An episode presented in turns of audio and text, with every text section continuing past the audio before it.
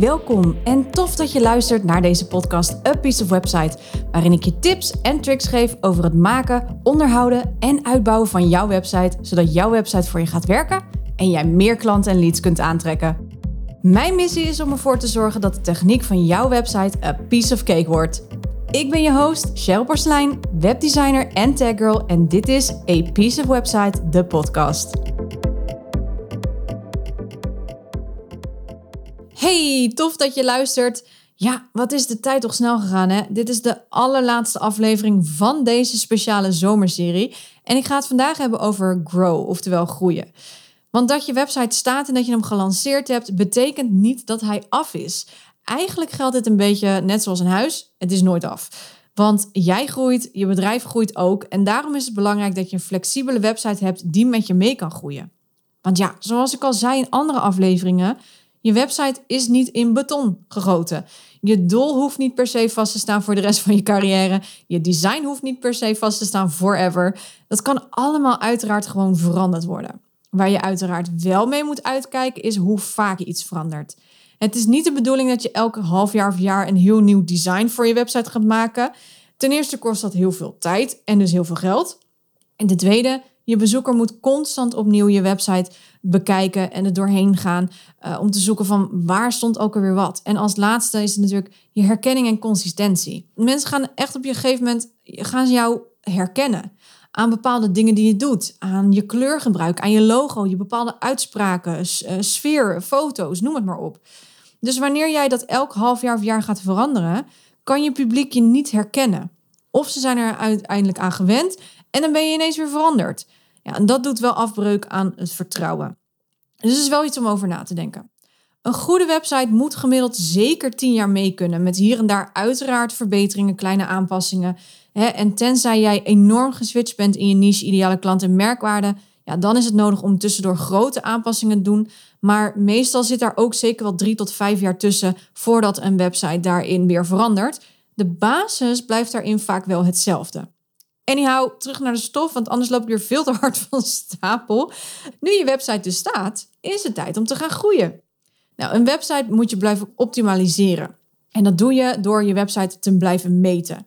Je hebt bepaald wat je doel is en hoe je dat resultaat eruit wil hebben zien. Dus stel, jouw website moet meer leads opleveren. Dat wil je doen doordat mensen dus via je website een contactformulier invullen. Nou, nou kan het zijn dat men dit nog niet wil doen hè, om wat voor reden ook, dan zou ik kijken naar waar ligt dat dan aan. Dus kijk eens naar teksten op je site. Ben je wel duidelijk? Vallen je knoppen goed op? Roepen ze daadwerkelijk ook om iemand op actie te zetten? Dit zijn allemaal dingen die je kunt aanpassen om je website steeds verder te verbeteren. Aan de andere kant kan het ook zijn dat je ineens heel veel contactaanvragen krijgt. Dus dat jouw teksten en cetera allemaal goed zijn. Dat je duidelijk bent naar waar je iemand naartoe wil hebben. En dat ze ook daadwerkelijk contact opzoeken. Dus je leads, die gaan als een speer. Maar ga dan ook eens kijken of ze wel kwalitatief zijn. Zijn het allemaal wel potentiële klanten? Of zitten er misschien ook mensen tussen die alleen uit zijn op een kopje koffie? Want dan is het zaak dat je gaat bepalen of je misschien niet iets mist aan informatie in je contactformulier zorg dan dat je je formulier bijvoorbeeld gaat verbeteren. Uh, dat mensen ook echt de moeite moeten nemen om deze in te vullen. En daardoor blijft het gros dat alleen voor het kopje koffie wilt uh, met je afspreken blijft steken. En zullen ze minder snel het formulier invullen. Maar het kan ook liggen aan dat je te breed bent. Dus dat je uh, bijvoorbeeld te snel iemand over laat gaan om een contactmoment met jou te regelen. Of dat je niet duidelijk genoeg bent voor wie je er wel bent en voor wie je er niet bent. Dus dat zijn allemaal dingen die je pas gaat meten en pas kunt gaan verbeteren als je je website gelanceerd hebt. En dat noemen we optimaliseren. Nou, daarnaast wil je ook zoveel mogelijk bezoekers naar je website sturen. Dus zet bijvoorbeeld een advertentie op je weggever om mensen naar je website te krijgen, zodat ze dus kunnen inschrijven voor die weggever.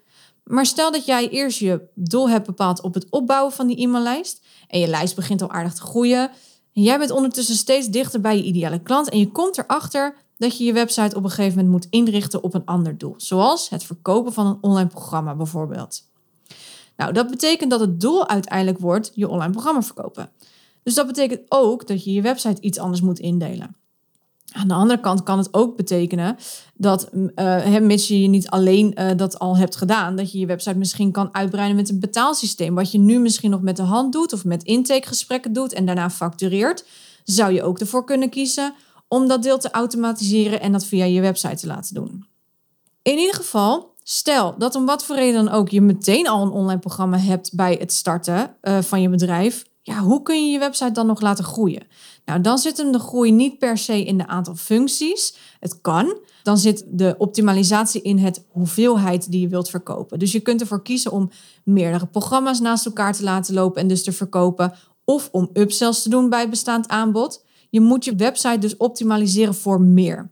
Dus dat betekent vaak dat je gaat kijken naar de gebruiksvriendelijkheid van je website. Kijk vooral eens waar blijven mensen steken. Als jij meer wilt verkopen van hetzelfde, kan het dan zo zijn dat het betaalproces misschien niet helemaal lekker loopt. Zijn er dingen waar mensen blijven steken? Kun je misschien nog een upsell doen tijdens het betaalproces? Nou, dat soort dingen kun je allemaal gaan meten en gaan verbeteren als je daar eenmaal mee aan de slag gaat. Je kunt ook kijken om je marketing uit te breiden. Dus als jij je website in hebt gezet eh, voor je online programma, je bent nu op een uh, bepaald doel van een x aantal omzet per maand en je wilt die verhogen met een x aantal omzet per maand, kijk dan ook eens of je je marketing kunt uitbreiden. Dus denk aan een podcast, denk aan een blog of een extra social media kanaal bijvoorbeeld. Wat het ook is dat je nodig hebt, zorg altijd dat je je doel goed in de gaten blijft houden en dat je je website zo goed mogelijk inricht op dat doel.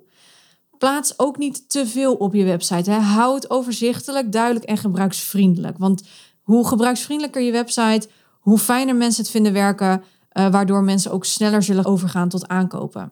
En je moet je website gaan gebruiken. En door te automatiseren kun je je website dus voor je laten werken.